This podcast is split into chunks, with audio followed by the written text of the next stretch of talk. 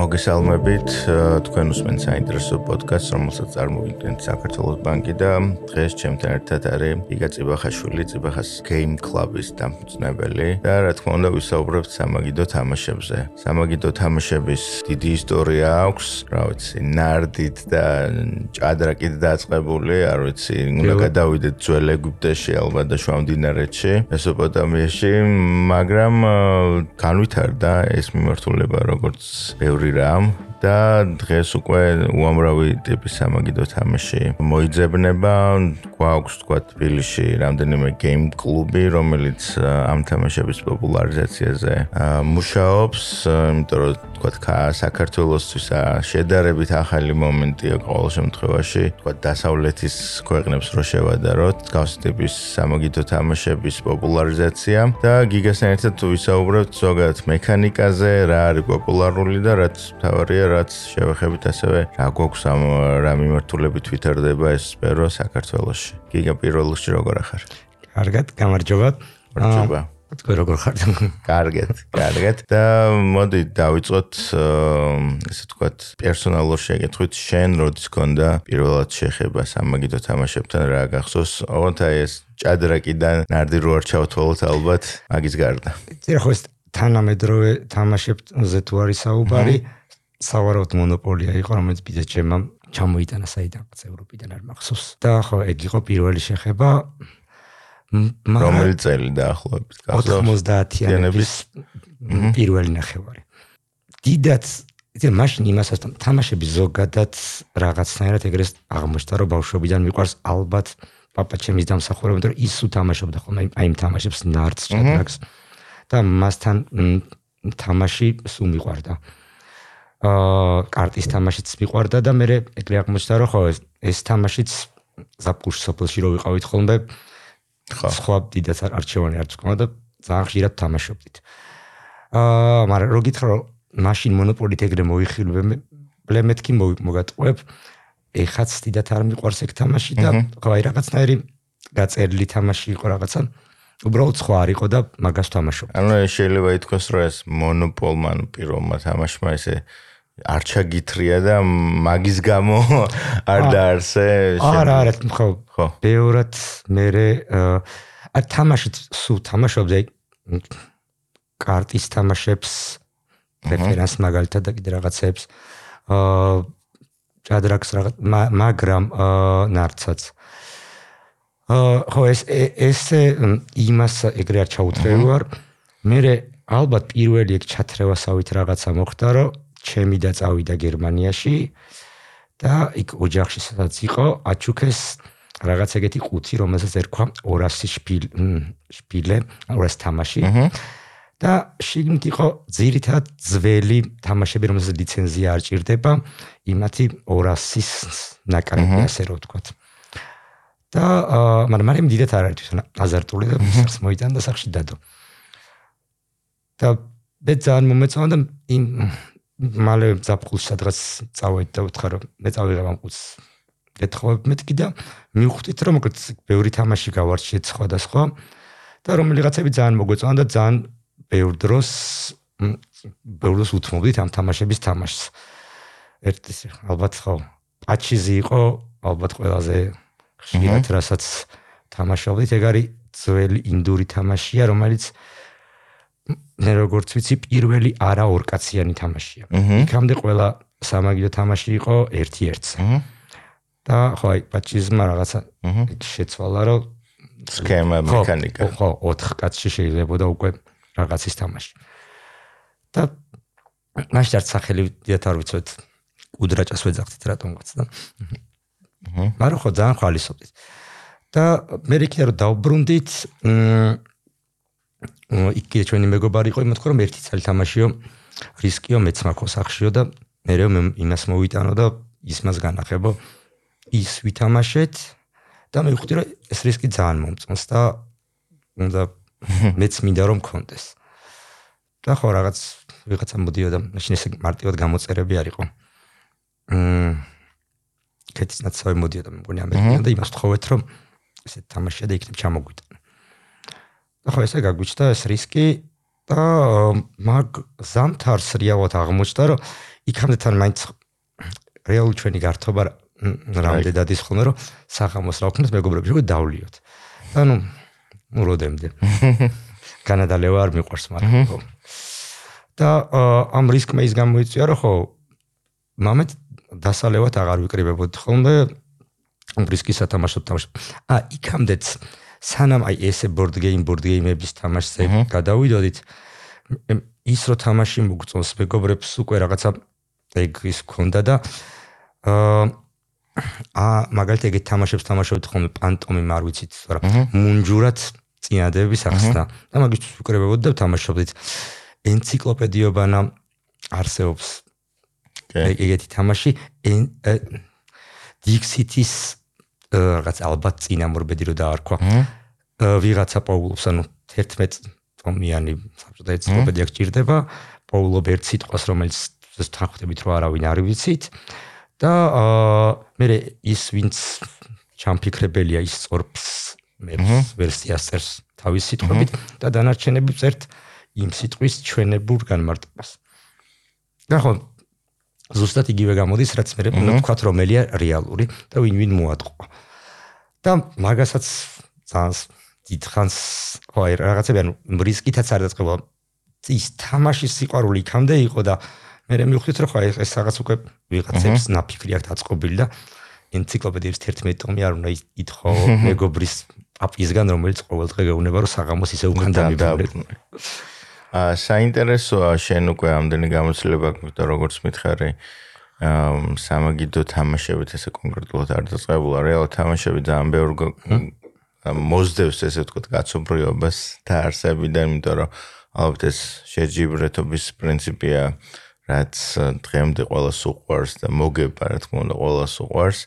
აა შესაბამისად არა ვიცი, ვიდეო თამაშები, ამ ვიდეო თამაშებში ჩაშლა, სხვა სხვა ჟანრი, სხვა სხვა ტიპის კონსოლზე, საკარტო თამაშები და ასე შემდეგ და ასე შემდეგ. აი შენ აი და დიდი გააკვირვების შემდეგ რას ფიქრობ? აი თავ კონკრეტულად სამაგიდო თამაშებს აი ფსიქოლოგიურად რომელიც ესე ვთქვათ გაძლევს იმუს რო ჩაერთო ამ ყველაფერში რა განასხვავებს აი სხვა ტიპის თამაშებისგან? რა აქვს ისეთი უნიკალური? წერა კომპიუტერულ თამაშებს ეხა ისე ინტენსიურად აღარ, მაგრამ ბავშვობაში ძალიან კარგად თამაშობდი და ძალიან მომწონდა. აა არა იცი რა აქვს, მე მგონია რომ უპირატესობა სამაგე თამაშის ის არის რომ აა მე შენ თვალებ ან ერთად ვართ და ეს რაღაც ვირტუალურ ვიღაცას კი არა თამაშები ან უგებ. ხო ანუ რეალურ ადამიანთან გაქვს რეალური შეხება და აა მოგებწაგება. და რა თქმა უნდა, მაგალითად პანდემია რო იყო, იქ ვიღაცებმა გითხრეს რომ მოდი არ გინდათ რომ ესენი გააციფრლოთ და ონლაინში გადაიტანოთ. და მე ვთქარი რომ არა. აა იმიტომ რომ ეს ის არ არის ანუ იმას თუ ციფრული თამაშის თამაში უნდა ეს ციფრული თამაშები ისედაც ათასობით არსებობს თან ანუ ჩემ გაციფრულებას დიდი აზრიც არ ქონდა რომ მე მეკეთებინა იმიტომ რომ არსებობს ეგეთი პლატფორმები სადაც უბრალოდ დარეგისტრირებ და თითქმის ყველა თამაში აქვს გაციფრებული და შეიძლება ითამაშო. მაგრამ გონია რომ ის მოყამი დრაივი ხო აი არა აქვს.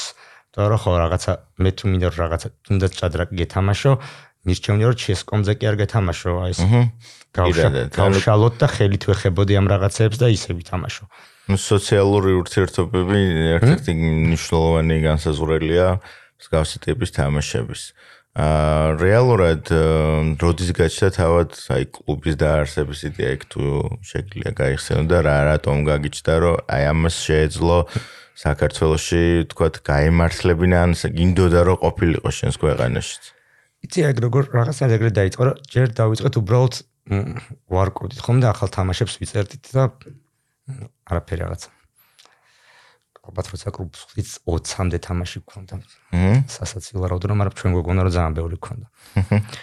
აა და რეალურად იმან გამოიწვია, რომ ამე ვარკვევდი, ანუ სულ რაღაცებს სერჩავდი, რომ აბა კიდე რომელია კარგი, ეს კი გვაქვს, მაგრამ აბა ახალი რა შეიძლება რომ ამ რკვევაში და სერჩვაში გავარკვე, რომ სხვა ქვეყნებში ეს კლუბები არსებობს. აჰა. და ხო, ეგეთი სივრცეებია, სადაც ადამიანები შეუძლოთ მივიდნენ და ითამაშონ. აჰა. და მე ვთქვით, რომ რატომაც არა თან პლუს კიდე ის იყო რომ რაღაცა ბოლოს პიკში ისე აღმოჩნდა რომ ჩვენი სახლი აა პრაქტიკულად ბირჟა იყო. და რომ სულ ყველა მოდიოდა რომ აი ამათ აქვს სამშე. ხო, ხა ჩვენ ხანდახან სამსახურში მივიდეთ და ტოვებდი ბიჭებს რომ ხო აი მე გაიგეთ კარები და რაღაცა და კეთი ცოტა ბუზღუნი დაიწყო რა ერთი წუთი ხა ჩვენი სახლია თუ აღარ არის ჩვენი სახლი.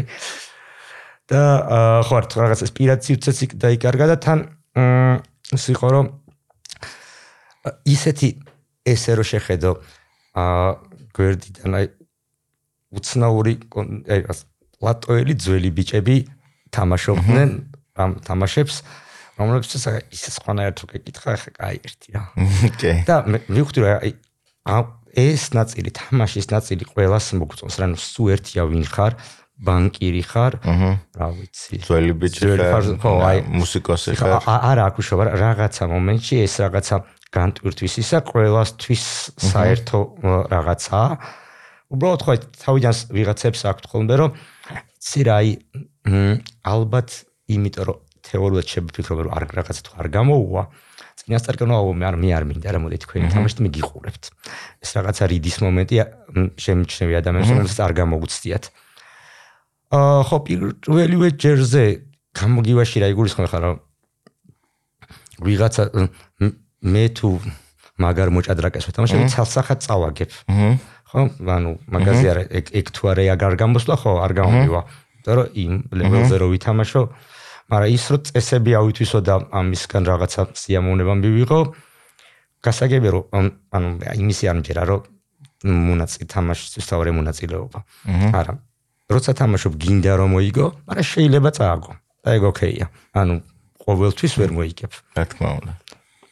აა აი თუ გასოს როდესაც თქვა პირველად გახსენით გეიმ კლუბი აა თავიდან ეს ჩართულობა ხო ანუ შენახსენე რომ ჩემთან სახში იკრიბებოდნენ მაგრამ კავშირი თუ ქონდა ნიცოდი თუ არა რომ რა დონეზე შეიძლება ადამიანები ჩართულიყვნენ ამაში ხო? აი რაღაცა წამოწყება რო გაქვს როდესაც ნუ გინდა თუ არა დავარქვა თუ ნუ ბიზნესი აა ფიქრობ ფინანსურად თუნდაც 10 ქირა ადგილის ასე შემდეგ ასე შემდეგ რამდენად გასტანს და შესაბამისად ალბათ ბაზარზეც რა წარმოდგენა უნდა ქონდეს რომ ესეთი რამე აქ პოპულარული შეიძლება გახდეს ან ვეღაცამ ჩემი სამეგობროს გარეთ იციან ეს ყველაფერი და მას მოუნდებათ აქ მოსვლა.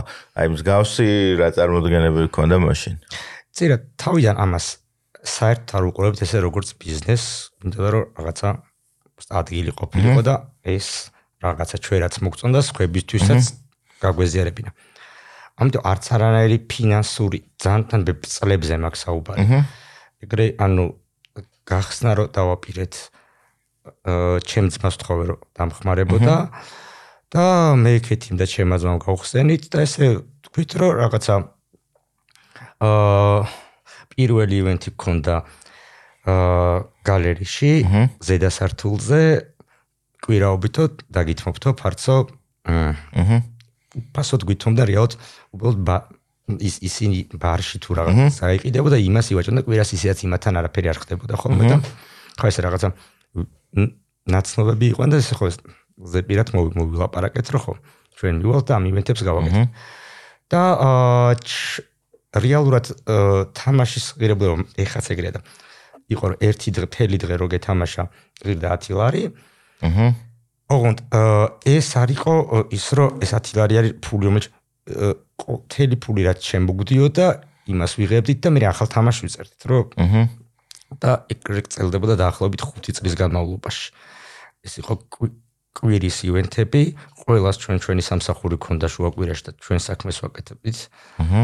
და უბრალოდ ხო, პლუს კიდე კვირა დღეს ვიცლიდით და იმას ვაკეთებდით, რის იკეთებას გვსიამოვნებდა. და ხო, ამას ფული საერთ არ შემ ანუ აჰა. დაინტერესება რამდენად იყო თუ გასოს აი ან როგორ მიწვით იმ ხალხს იყვნენ ვისაც უკვე იცოდა და მოსწონდა და მოდიოდა ამ ბიზნეს კონკრეტული ბიზნეს თუ უბრალოდ ესე თქვა ახალბედები მოდიოდნენ რომელსაც უბრალოდ უნდათ გემოგაესინჯათ ამ ყველაფრისთვის. იცი თავიდან ეგრე მოხდა რომ უბრალოდ რაღაცა Facebook გვერდი დავაარსეთ დავდეთ ეს ივენთი და ყველა ფრენდი ვინც ყავდა Facebook-ში აი სუერთი ანუ არ ამ არჩევით რა ამას ეყარება თამაში. ავდექი და ყველას და ყველას დაუგზავნე რომ აი ესეთი რაღაცა და მოდით. ხო, და რამოდენიმე ჩემი მეგობარ რომელს არ მიფიქრია რომ დაინტერესდა. ხო, ანუ დაინტერესდებოდა და ანუ არ ვიცოდი. ესე მოვიდნენ, აი ყველასაც იყო ერთი ჩემ დეიდაშვილის უახლოესი ძმაკაცი მაისე მომწერა ძალიან გახარებულმა რომ აუ შენს გიყვარსო თამაშებიო მეო ძალიან დიდი ხანია ვაგროვებო და ძალიან მიყვარსო. ოღონდ იმას ქონდა პირიქით პრობლემა, ანუ ჩვენთან სახში ძალიან ბევრი ხალხი იყო და იმას ქონდა აღმოჩნდა ამან მიხვდეთ რომ ჩვენ არაფერი არ გვაქვს. იმას ქონდა 50-მდე თამაში უკვე, მაგრამ არ ყავდა ადამიანი ვისაც ითამაშებდა. და მე უთხარი შურიკ მოდი. აი ჩვენ აქ შევიკრიბებით ხოლმე და მინიმუმ პირაობით რაღაცებს ვითამაშებთ და აჰა. აა ხო და მე ეგრე წავიდა რომ ამ ის ხალხი ვინც თქვა ჩემი მეგობრები იყვნენ, იმათ უთხრეს ვიღაც თავის მეგობრებს, რა ეხა იქ ვიყავით, წინა კვირას კაი იყო, ამ კვირას სარი ხო არ წავიდეთ. და ესე ამ ჯაჭვ ჯაჭვური რეაქციით გაიზარდა ხო აი რაღაცა ამას წლები დაჭირდა, მაგრამ ხო აი ესე ებრივად გაიზარდა რაოდენობა ადამიანების. აა თავად აი თამაშებზე რო გადავიდეთ თქვენთან როგორც ვიცი 1400-მდე თამაში გაქვთ ახლა თავმოყრილი კლუბში. აა არ ვიცი ესე ოფიციალური კატეგორიზაცია არსებობს თუ არა. და აი თამაშები თავად რა სტილის თამაშებად იყოფა ზოგადად თან თქვენ რა სტილის თამაშები გაქვთ ძირითადად? ძირა ასე თუ ისე ყველა სტილის ანუ ზოგი მეტი გვაქვს ზოგი ნაკლები მაგრამ ყველა გვინდა რომ ხომ რომ ყველას ფერს მოუწოდეთ რომ შეიძლება შენ არ გიყვარს რაღაცას ტიპის მიმდინარეობა ისე ძალიან მაგრამ ამჟამად კლუბი ხარ და უკვე ის არა ხარ შენი პირადი კოლექცია აღარ არის რაღაცა საერთო რაღაცა. აა ეს სუმარტივად რო დაყო ვთქვათ რა ვიცი ეგეთი დაყოფა არსებობს ევროგეიმები და ამერიკები რომლებიც ერთი უფრო განვითარებაზეა და მეორე უფრო მოწინააღმდეგის განადგურებაზე ასე რომ ვთქვათ. აი აქ კითხვა მაქვს უბრალოდ რომ აი რაც კოოპერატიულია, არ თქვათ, სადაც თანამშრომლობა უფრო მნიშვნელოვანია და მეორე არა, არა, ევროგეიმებში უბრალოდ მე ჩემ რაღაცას ვანვითარებ, თქვათ ქალაქს, შენ შენ ქალაქსთან და ვინ უფრო სწრაფად და კარგად განავითარებს. თორე ისევ ერთმანეთის წინააღმდეგ. აა კოოპერატივ გეიმები ცალკე არსებობს, რომლებიც ხო ან ყველანი ერთად მოუგებთ თამაშს, ან ყველანი ერთად დაუმარცხდებით, მაგალითად პანდემიკი. აა ცერა ძველი კოოპერატივები დიდათ მე არ მიყვარს. ჩემთვის თამაში მაინც არის ხომ რაღაც შეჯიბრითოს მომენტი. აა მაგრამ ეხლა რაღაცები გამოვიდა ახლები, რომლებსაც ხო დიდი სიამოვნებით თამაშობ. კრუ არის ერთი ეგეთი კარტ გეიმი. რაღაცით შეიძლება ჯოკერს გავს ან on არ ვლაპარაკობთ და ყველამ რაღაცა უნდა შევასრულოთ. აჰა. on ეგეც როგორი თამაშები რაღაცა მაგას სამი კონკრეტული ანუ მე და კი ჩემი ორი მეგობარი ვთამაშობთ ხოლმე რაღაც ისინია. ტურები. აჰა. და პირველი ანუ ეს თამაში ორ ნაწილად არის ჯერჯერობით მოგერ მესამე არ გამოსულა. პირველი ნაწილი დაუხურეთ ხა მეორეს ესე მიუყვებით. და ხო ის რომ და აი პანდემიკს და რაღაც სხვა სადაც კონკრეტულ კოოპერატივ გეიმებში რომელშიც ლაპარაკობ როგორც წესი იმ შედეგს ვიღებდით ხოლმე რომ ერთი იღებდა თავის თავზე მეტაურის როლს ასე რომ ვთქვათ და ყველა დანარჩენს ეუბნებოდა რომ აი ხა ნახე მე დავგეგმე შენ ამას იზავ შენ ამას იზავ მე ამას ვიზავ და გამოვა. და გამოდიოდა რომ ისორი არ თამაშობს. ან რასაც იყო ისორი ადამიანი თუ გაწოდა მაინც მაინც საბოლოო ჯამში ერთმა მიიღო არანაირი. და აი ამ თამა იმ თამაშებში რომელიც თქვა ხა მაინც და მოუკიდებლად გვიწევს ყოველას რაღაც გაწოს მიღება, მაგრამ ერთად მოვიგებთ. იქ აღარ გაქვს განცდა რომ ხა რაღაცა ვიღაცა ერთი ლიდერი ყავს და იმანმა თავისი გაიტანოს. აა საინტერესოა ჩვენ ვახსენეთ რომ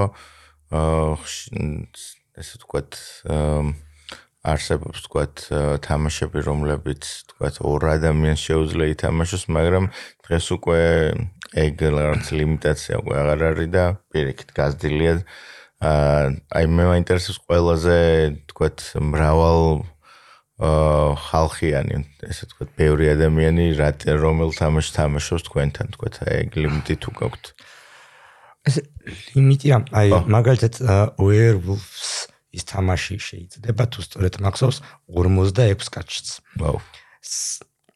სადღაც 25-ის მერე ფუჭდება თამაში, მაგრამ ტექნიკურად შესაძლებელი ხო 50. აი თქვენ თქვენთან თქვენს კლუბში ყველაზე დიდი აი ბევრ ხალხთან ალბათ werewolf-ია. აჰა.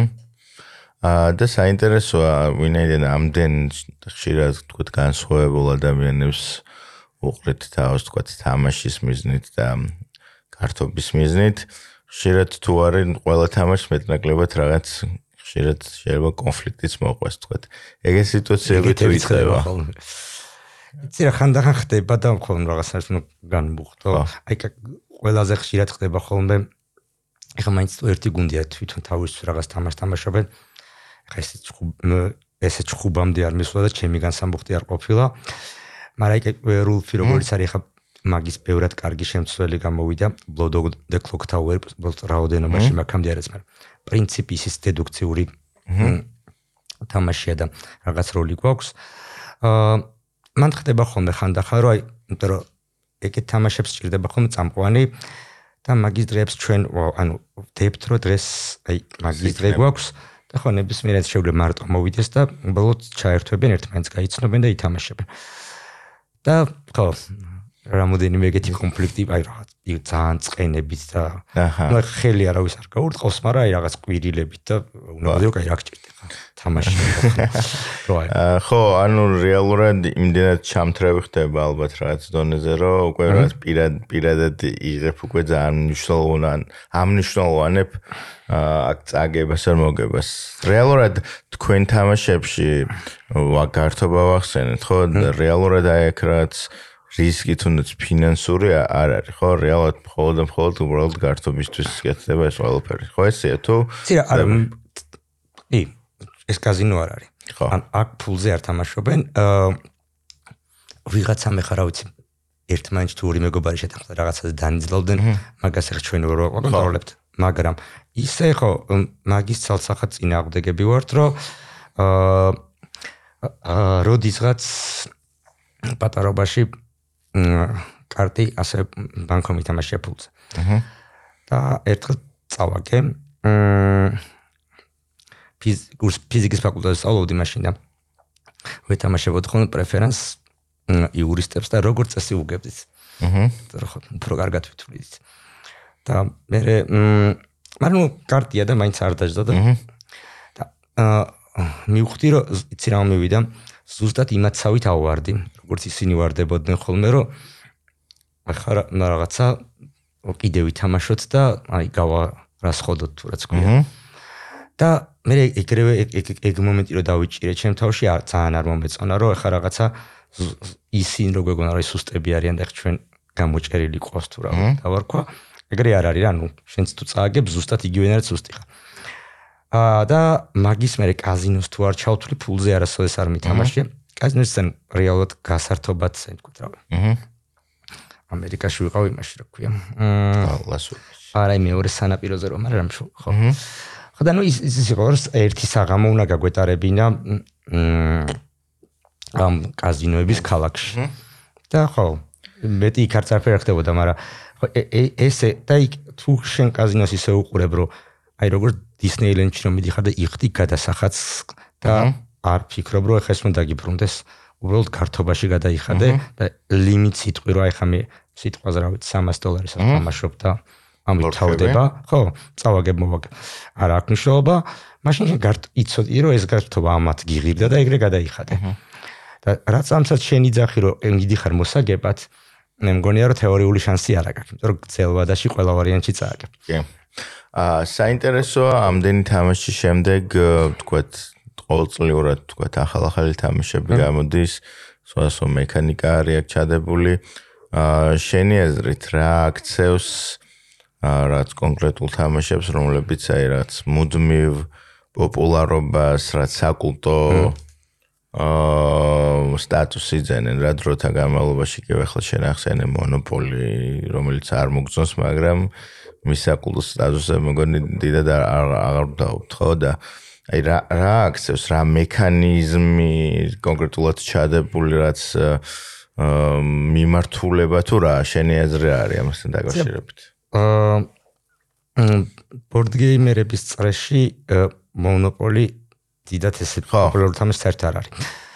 მონოპოლის თელი ის არის რომ დიდი როლი მიუძღვის, იმიტომ რომ უკვე ასი მაქსახელით არა, მაგრამ პირველი სახელით ლენდლორდი ერქვა.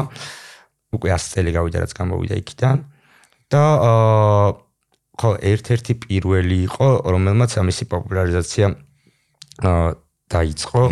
მაშინ ამერიკაში ესპანკა იყო და აა მოუწოდებდნენ მოქალაქეებს დარჩენიყვნენ სახში და რეკლამები იყო პირდაპირ ითამაშეთ მონოპოლია. და ამან ძალიან დიდი რაღაცა როლი ითამაშა მის და ზოგადად ესეთ თამაშების პოპულარიზაციაში. და და მე მაგრამ იმის მე იმდენად კარგი მექანიკები შეიქმნა, რომ ხო აი მონოპოლიამ პროცესს თავისი დადო და დღესაც უბრალოდ იმის ხარჯზე უჭირავს, რომ ძალიან ცნობადია. აჰა და ხო აი პირველად ეს თქო entry level არის უკვე თუ ვინმე დაინტერესდა თქო შეიძლება მონოპოლმა შემოიყვანოს board game-ების სამყაროში. აი შენთვის რა არის თქო ის რაც ეს რაღაც თუნდაც შენთვის საყვარელ თამაშებს რომელსაც თქო საკულტო სტატუსი აქვს რა ანიჭებს ამ ყველაფერს? მექანიზმი? მონოპოლის ფუნქცია ასე რომ თქო აი ალბათ მოახდინა კატანმა. აჰა. აა რომელიც ხო ის კეთი მაჩუკა დაბადების დღეზე და ძალიან ანუ მივხვდი რომ ხაი ძალიან საჩემო თამაში იყო. კატანი ისედაც ითვლება რომ ანუ აა 90-იანებში შეიქმნა და ეხა რომ სამაგე თამაშების ბუმია იძახია რომ ისი გამოწვეულია. მე წავიდა და წავიდა.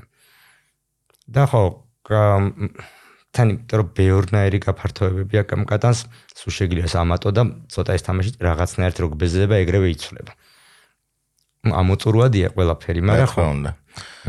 აი შენ რო შეგეძლოს რაღაც ახალი თამაში გაკეთება, აი რა რა მექანიზმს ჩადებდი რა მაგაზე თუ გიფიქრიან თქვენი კონკრეტულად შენ თუ გიფიქრია საერთოდ board game-ის გაკეთებაზე, ქართულზე?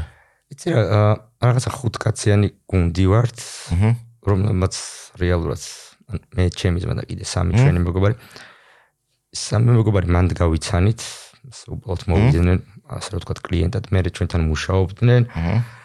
აა ეხა ესე კლუბში აღარ მუშაობენ მაგრამ ერთად რაღაცებზე მუშაობთ ხოლმე. და რამოდენიმე აა თამაში ვიღაც კომპანიების გაკეთებული გვაქვს. აჰა ანუ შეკვეთით და იონტ ის მაინც რაღაც ჩარჩო იყო. იცოდნენ ვიცოდით რაზე უნდა ყოფილიყო თამაში და რა მიზნები უნდა ემსახურებოდეს ასე რომ ვთქვათ. უფრო შემეცნებითი ნაწილი და რაღაცები უნდა ქონოდა ვიდრე თამაში თამაში. აა პლუს კიდე ახლა ერთ თამაშზე მუშაობთ და რაღაც მომენტში თუ ჩავთვლით რომ იმდენად კარგია რომ აა სოფლიო ბაზარზე გატანას აზრი კონდეს აა ალბათ ხო ჩაუშვებთ. და რომ ეს ბაზარი საკმაოდ პატარა ბაზარია იმის რომ ესე ახალი თამაში ერთი უბრალოდ ქართველებისთვის გააკეთო.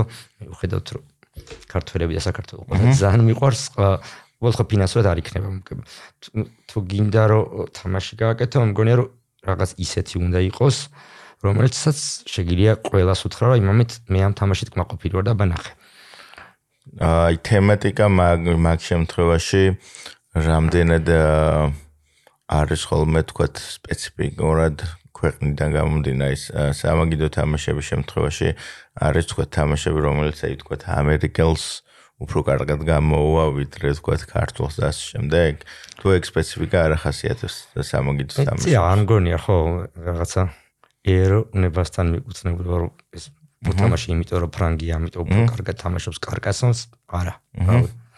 აა როგორ ფიქრობ, აი ციფრული თამაშები ვახსენეთ და ახსენე რომ შენც თამაშობდი.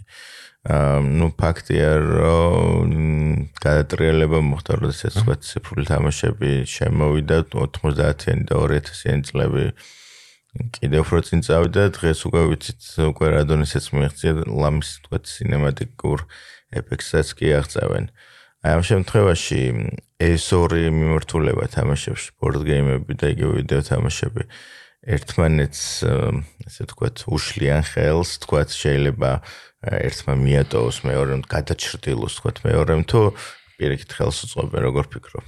ო, მე მგონი რომ ხელს ნამდვილად არ უშლიან, იმიტომ რომ რეალურად აი დაი დაახლოებით იგივე რაღაცა, რო ავიღოთ ციგნი და ფილმი. აჰა.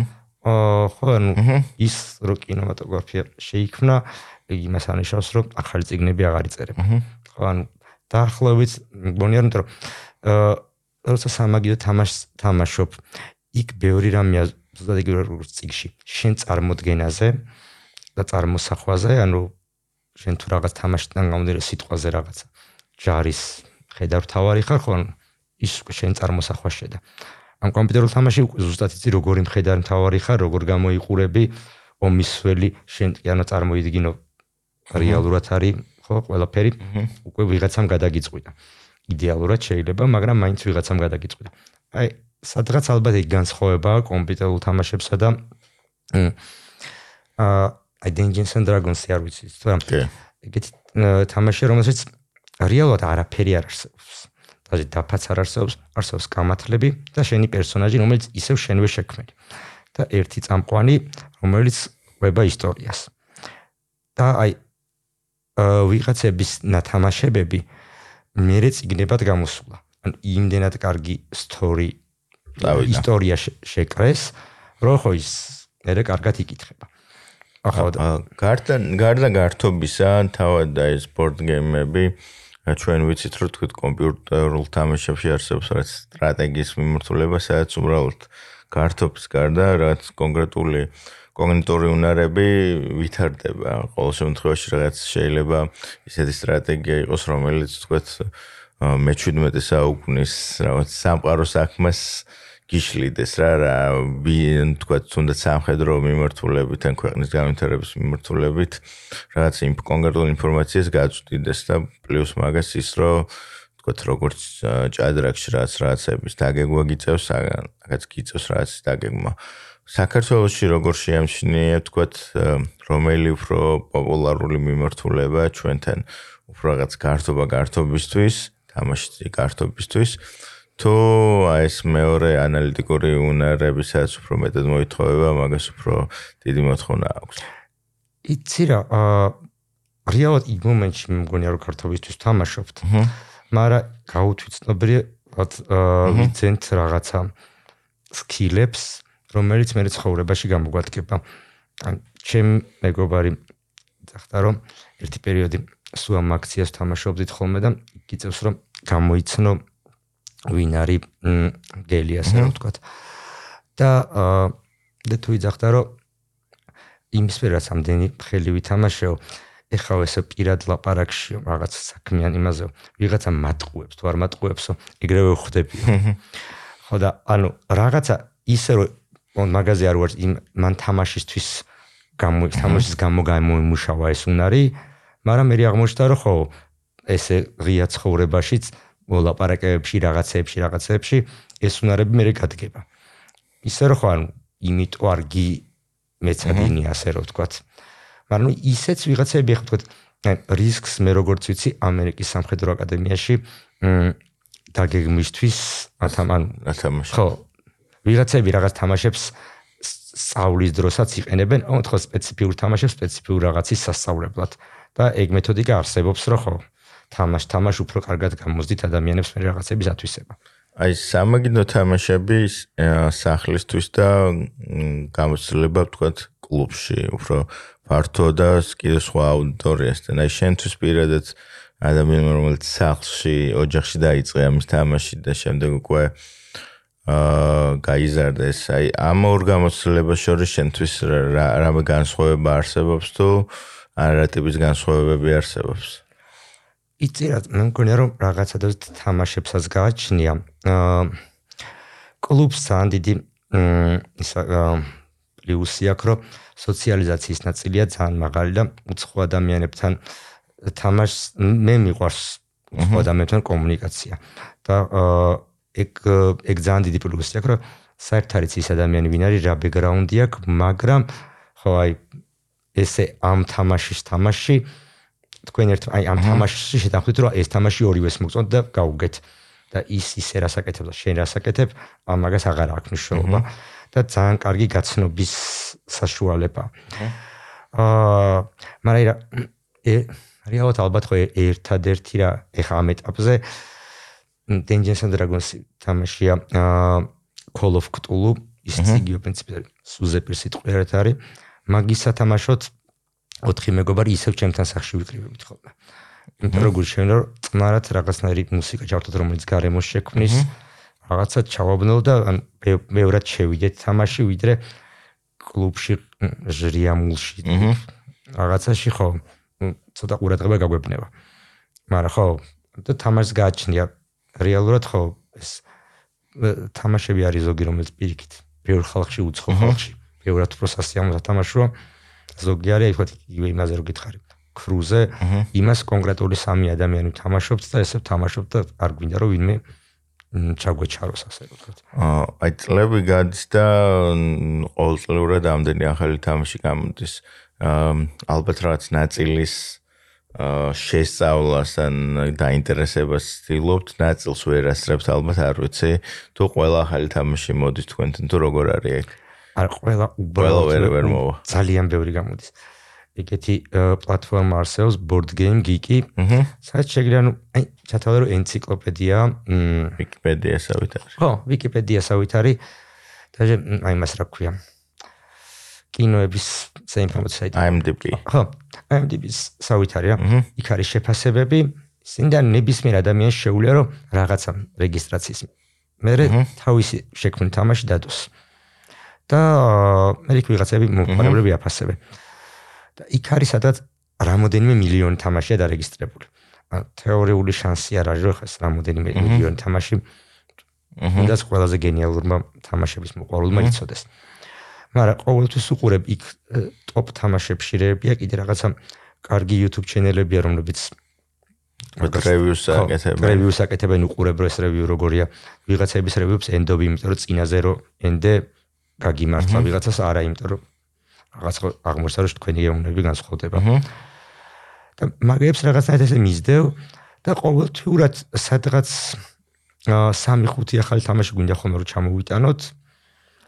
ზოგი ძველების შევსება რომელიც გაცვდა, ზოგი სრულებით ახალია.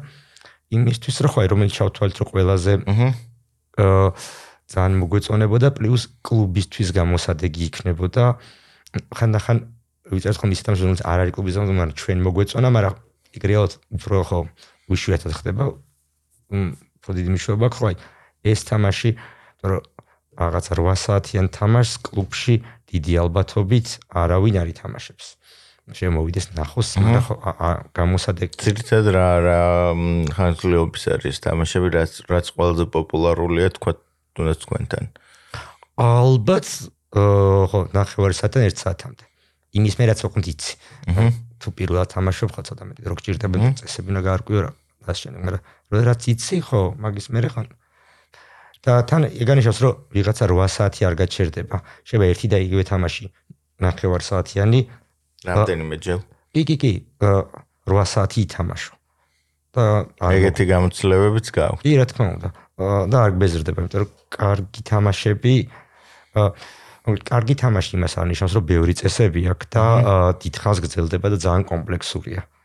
ანუ ეგ არც არც იმასაც ცუდია. ანუ ეგ ცალკე ტიპებია, რომლებიც ხო რაღაცა მოითხოვს. მაგალითად, რა Game of Thrones იყო ძალიან პოპულარული ერთი პერიოდი ჩვენთან იმის მერად სერიალი გამოვიდა და ყველა იცავდა რომ ამიტომ Game of Thrones მათამაშ. და ვონებოდი რომ იქამდე რამ აქამდე რამე გითამაში, იმიტომ რომ 6 საათი ერთი თამაშის თამაშს. აჰა და იქამდე ალბათ საათ ნახევარი მე შენ წესები უნდა გიხსნა, იმიტომ რომ ძალიან კომპლექსურია. აჰა. პროსტა მოგბეზდება. და გეუბნებოდა რომ კი კი არა, მე ისე მიყვარს Game of Thrones-ო მინდა. მე სადღაც 40 წუთში გეუბნებოდა რომ რა მე სხვა მარტივი მოგიწევდა და აი მინდა და ხოლმე რომ ხო გითხარი რა არ ხარ ხა.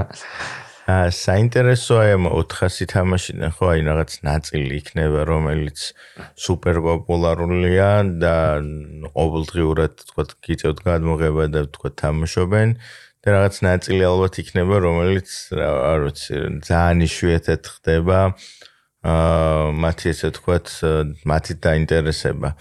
აა აი შენი აზრით მაინტერესებს ყველაზე ესე თქვათ ზედმეტად შეფასებული, ესე თქვათ overrated და underrated თამაშები, თქვათ დაუფასებელი და ზედმეტად გადაფასებული თამაშები შენი აზრით კონკრეტულად რომლებია დღეს? აა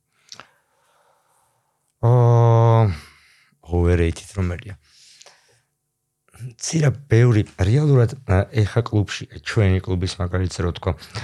ბევრად უფრო ძალიან მარტივ თამაშებს თამაშობენ აა რომელიც ადამიანს ცალკე ისე აქვს ხოლმე რომ აი მე ერთხელ სპლენდორი ვითამაშე და მოდი ისე სპლენდორს ვითამაშე. და როცა ზუსტად იგივე სირთულის უკვე ამასობაში დენი ახალი კარგი თამაში გამოვიდა რომელიც მას რაღა ჩემს ჩემი გადმოსახედიდან ჯობია მექანიკით. აა ხო ჯობია რომ ხო რავი ცადე კიდე ესახლები ან ჰა არ მოგეწონოს თან მაგას ვერ გამორიცხო რომ ყველოვანი ყველა მოგეწონება მაგრამ ნიმ რაღაც ახალს გაიგებ. აა underrated რომ ცირა ეგეც ალბათ აა აი რაღაცნაირად მგონია რომ კლუბში თამაში პოპულარული ხდება იმის და მიხედვით აა ჩვენ რას ვაცდით აჰა. აა რაღაცა ნაწილი არის ადამიანებს ვინც იციან კონკრეტულად რის თამაშოთ მოვიდნენ. მაგრამ უმრავლეს შემთხვევაში გეუბნები რომ ვართ აი ხუთნი და რაღაც ესეთი გვინდა. და მე შენეუნები რომ დაიცა ხა მე აგირჩევ შენ თამაშს. კონსულტირებად კი კი კი. აა ჩვენ გვაქვს ხო აი ეგ გონია რომ ჩვენი ხო სხვაგან არსად არ მინახავს ბევრ უცხოურ კლუბში ვარ ნამყოფსაც ჩავდივარ ხოლმე ყველგან ცდილობ რომ იმ ქალაქში ვნახო არსებობს თუ არა სამაგე თამაშების კლუბი და მე ნახო იქ როგორ ფუნქციონირებს. ევროპის არც ერთ კლუბში არც ამერიკაში არ მინახავს რომ რაღაცას კონსულტანტი არსებობს აჰა. შევა ჩვენზე ბევრად მეტი თამაში აქვს თან ნიუ-იორკში ვიყავ 5000 თამაშიანი რა ქვია მინიუ დამიდეს ასე რომ ვთქვათ ბაინდერში იყოს. მაგრამ შემდეგ გეთქო რომ პირველს გეძებნა ხუთიდან მე გეთქო რომ აი 300 მეშვიდე მიდა. ის ვიღაცა მიდიოდა მოკონდა თუმცა მაგით თავდებოდა ყველანაირი კომუნიკაცია. არჩევანი ჩენი იყო მე რე უნდა გაგეხსნა წესები ჩენო წაკითხა და გეთამაშა. ჩვენ გვაქვს ის რომ ვთქვით რომ თავიდან ძალიან ჭირდა რომ და შევინარჩუნეთ მგონია რომ ხო ქართულ მოხარებელს და უფრო მომთხოვნია ვიდრე ევროპელი კომფორტება, კომფორტი. კომფორტი ხო ძალიან გვიყვარს. და არიან ადამიანები, რომელსაც გეიმ მასტერებს ვეძახით, რომელიც გირჩევს თამაშს და მე წესებში გარკვევს, გეხმარება და გაწყებინებს თამაშს და განერებს თავს. თქვენი ხო ტერიტორიულად საზრდებაროთ ფაბრიკის სივრცე რეალურად ძალიან დიდი, ესე ვთქვათ, ესეთი ადგილისაც ძალიან ბევრი ტურისტი დადის აა შესაბამისად მაინტერესებს აი თავად ეს მულტიკულტურული გარემო თუ ხდება თქვათ აა თქვენ სივრცეში, როდესაც თქვათ სხვა სხვა ეროვნების ადამიანები იყრიან თავს და თამაშობენ უბრალოდ თამაშს. კი არა, უცხოელებიც აა ეხლა თან უცხოელების რაოდენობა ერთიდან გარკვეული ქვეყნის წარმომადგენლების მით უმეტეს მოიმატა ჩვენ ქვეყანაში. აა აა მაგრამ ხო და თან მათ საკმაოდ კარგად იციან სამაგე თამაშები რა არის. ინგლისურად მათაც ვეხმარებით. აჰა. აა ვეუბნებით რომ თქვენ ენაზე არა თუ რაღაც აჰა. არა და მორჩა. და ხო თუ ვისწრებს ეს მისაღები პრინციპია ერთადერთი შერე აი იმ თამაშებს რო გითხარი რომ წამყვანი ჭირდება მეთქი ერთმანეთში ლაპარაკი მაგაში გვიჭირს ხოლმე უცხო ელების ჩართვა, თუნდაც ინგლისურენოვანის, იმიტომ რომ აა ძალიან რთულია სხვადასხვა ენაზე მოლაპარაკე ადამიანები ერთმანეთში ბოლომდე კომუნიკაცია მოხდინონ ისე რომ თამაში სრულფასოვნად შედგეს. და მან თქვა ეგრეა ხოლმე რომ ხო რაღაცა ქართულ ენაზეა ეს თამაში მაგ მომენტში და დანარჩენი რა ვიცი თამაშებს არ ჭირდება დიდი ლაპარაკი როგორც წესი და აქედან გამომდინარე რა ვიცი ძალიან მარტივად ყველას თანხმდები რომ თქვა თუნდაც ინგლისურად ზოგი ქართველი ზოგი რუსი და ზოგი რა ფრანგი ერთმანეთში ლაპარაკებენ რავი. კი რა პრობლემაა ამ შენ ასენე რომ მეგობრებთან ერთად რაც იდეები გაქვთ თამაშების შექმნის. თუ გხსენდება თქვა არა თქვენი არა სხვისი გაკეთებული ქართული თამაში, რომელიც თქვათ შენთვისაც საინტერესოა, თუ გვაქვს საერთოდ ამ მიმართულებით რაიმე წინსვლა და თქვათ მუშაობენ თუ არა სხვა ადამიანებიც აი მიმართულებით რაიმე შექმნაზე. კი კი კი არა, თან გორგასალია ეგეთი თამაში. რეალურად ეგ იყო ვიღაცები ძახე რომ მათი შექმნილი თამაშებია პირველი, მაგრამ მე ვთვლი როგორ გასალია. ბიჭებმა გააკეთეს, რომელიც ანუ თამაშის შექმნას მე ეგრე უყურებ. ის რომ რაღაცა არსებული თამაშის გადაქართულე მაგას არ ვიცი ან რაღაცა ხო ქართულ კონტექსტს მოარგე ეგ არ არის თამაში. აა გორგასალი იყო ალბათ პირველი თამაში რომელიც ნოლიდან ბიჭება მოიგონეს. და არაფრის კლონი არ არის და არაფრის არ არის მათი მოგონილი მექანიკა რაც რაც ძალიან დასაფასებელია და თა როგორც ის უკვე ამაზონზეც არიან გასულები და იმედია რომ ხო ნელა იმას ცნობადობას აჰა. მაგრამ მე და ხო ქართული კონტექსტი აქვს აი ამ თამაშს აი არა სახელი აქვს მარტო ეს გორკასალი და ისე აა რაღაცა გმირები იბრძვიან ერთმანეთში იმისთვის რომ საბოლოო ჯამში სწორედ მახს ისტორია ეგეთი რომ მეფე გახდნენ. აა და რომ იყო ვიღაცა მეფე გორგასალი რომელიც დაიკარგა და რაღაცა. ანუ უბრალოდ სიტყვა მოეწონა და აიღეს და არანაირ კავშირი სხვა გორგასალთან არ გააჩნია, მაგრამ თვითონ თამაში ძალიან ესეთია, კომპლექსური და ძალიან კარგად აწყობილ მოფიქრებული. რაც ხო რეალურად ძალიან კარგი რამეა. თან გონია რომ ეგეთ თამაშებს თუ შევქმნით, ეგ ძალიან კარგი რაღაცა, თუნდაც ქვეყნისთვის, რომ ეს არის რაღაცა, რაც შეგვიძლია ინტელექტუალური რაღაცა, რაც ჩვენ მოვიფიქროთ და გარეთ გავყიდოთ. რაც ქვეყანაში ძალიან გვაკლია. რო ხო რაღაც ჩვენი საერთაშორისო პროდუქტი, საერთაშორისო ბაზრისთვის, საერთაშორისო ბაზრისთვის პროდუქტი, რომელიც თქვა საინტერესო იქნება. და ალბათ ამაზეც ღირს მუშაობა. აი საინტერესოა ნავახსენეთ, რომ თქვენს გარეთ კიდევ რამდენიმე კლუბი არსებობს. რაიმე და თქვა პოდკასტის დასაწყისში ამაზე ვისაუბრეთ, მაგრამ მოდი მსმენელსაც უთხრეთ, თუ არსებობს რაღაც უფრო ფართო გაერთიანება, რომელიც თქვა არა კლუბის დონეზე მოაწყობდა თქვა რაც შეჯიბრებებს არამედ რაღაცა იტყოდა რომ ეს საქართველოს ჩემპიონია აი ამ კონკრეტულ თამაშში ან ასე შემდეგ. და ასე შემდეგ და თქვა რა უშლის ხელს თუ არ გვაქვს გავსე თქვა ასოციაცია ფედერაცია თუ ასე შემდეგ რომ ჩამოყალიბდეს. იცი რა ხო ეს ფედერაცია ესე რაღაც მომენტში ქონდა იდეა. ეხლა ასე რომ დავთვალე 6 კლუბი ვართ მაგრამ მაშინ 6 არ ვიყავით როცა ამაზე ვლაპარაკობდით აა და გვინდოდა თან პიჭებთან თითქმის ყველასთან ძალიან კარგი ურთიერთობა და ერთმანეთთან თანამშრომლობთ. და რაღაცა ერთი ივენთი ჩავატარეთ თბილისში ჩვენ შემოგთავაზეს რომ რაღაცა ფესტივალზე გავსულიყავით. და უთხარო ოკეი ოღონდ მოდი ყველანი გამოვალთ. და არა მარტო ჩვენ აი რაღაცა რა ხდება ქუთაისში რო ვიცოთ რა ხდება თელავში და ასე შემდეგ. აა აი ქენდა მე მანდ ვილაპარაკეთ რომ იქნებ რაღაცა მოვახერხოთ და ეს სახე მივცეთ იმისთვის რომ თუნდაც რაღაცა მომენტში საქართველოს ჩემპიონატები მოვაწყოთ რაღაცაში. მაგრამ მე რომ დავიწყეთ გარკვევა აღმოჩნდა რომ ფედერაცია შეიძლება იყოს რაღაც ისეთის რისი სოფლიო ფედერაციაც არსებობს. სოფლიო ფედერაციები ესე სამაგიდო თამაშების არ არსებობს, არსებობს რომელიღაც კონკრეტული თამაშებს, მაგალითად კატანის, კარკასონის იმის და ისინი აწყობენ. და მივხვდი ან რომელიღაც ერთ თამაშამდე უნდა დავწყვილ მანდეთ და ვთქვა რომ ხაი ამის ფედერაცია შევქმნით, მე ცალკე მეორის და მე ცალკე მესამის და არ ახლა არც ისე ეგრე არც ერთ თამაშს თან არც ერთი არ ვართ რომ აი ეს ამ თელავსკი კატანი ამოჩენებული და ვართ. და რავი თუ შექმნიან რა ქვია კატანის ფედერაციას ისეო დავასაბურთებ. აჰა. რომ ძალიან კარგები არიან, მაგრამ ხო. სხვა ცეც კუს მგონი ესე ამოჩენებული თამაში არ გვაქვს. აა ზოგადად რას ფიქრობ, აი ბოლოსკენ რო წავიდეთ, მ რას ურჩევ თქვა ახალ პედებს, რომლებიც თქვა შეიძლება ამ პოდკასტის შემდეგ პირველად დაინტერესდნენ, მიუხედავად იმისა, რომ თქვა აა სამაგიდო თამაშები არც ისე ახალი რამეა უკვე ჩვენ თანაც და მეტნაკლებად ცნობადობა გააჩნია. აი დამწყები მოთამაშეებისთვის პირველადი თამაშები რა თქმა უნდა გააჩნია სულ თქვათ გემოვნებას მაგრამ აი შენი გემოვნებით რა თამაშებს შეესთავაზებდი მათ ცირო მე მგონია რომ თავარია უბრალოდ ცადონ და არ ქონდათ ის რომ ეხლა მე ამ წავაგებ და ამიტომ მე წაგებული ვიქნები და არ მინდა რომ ამ წაგებულის პოზიციაში ვიყო.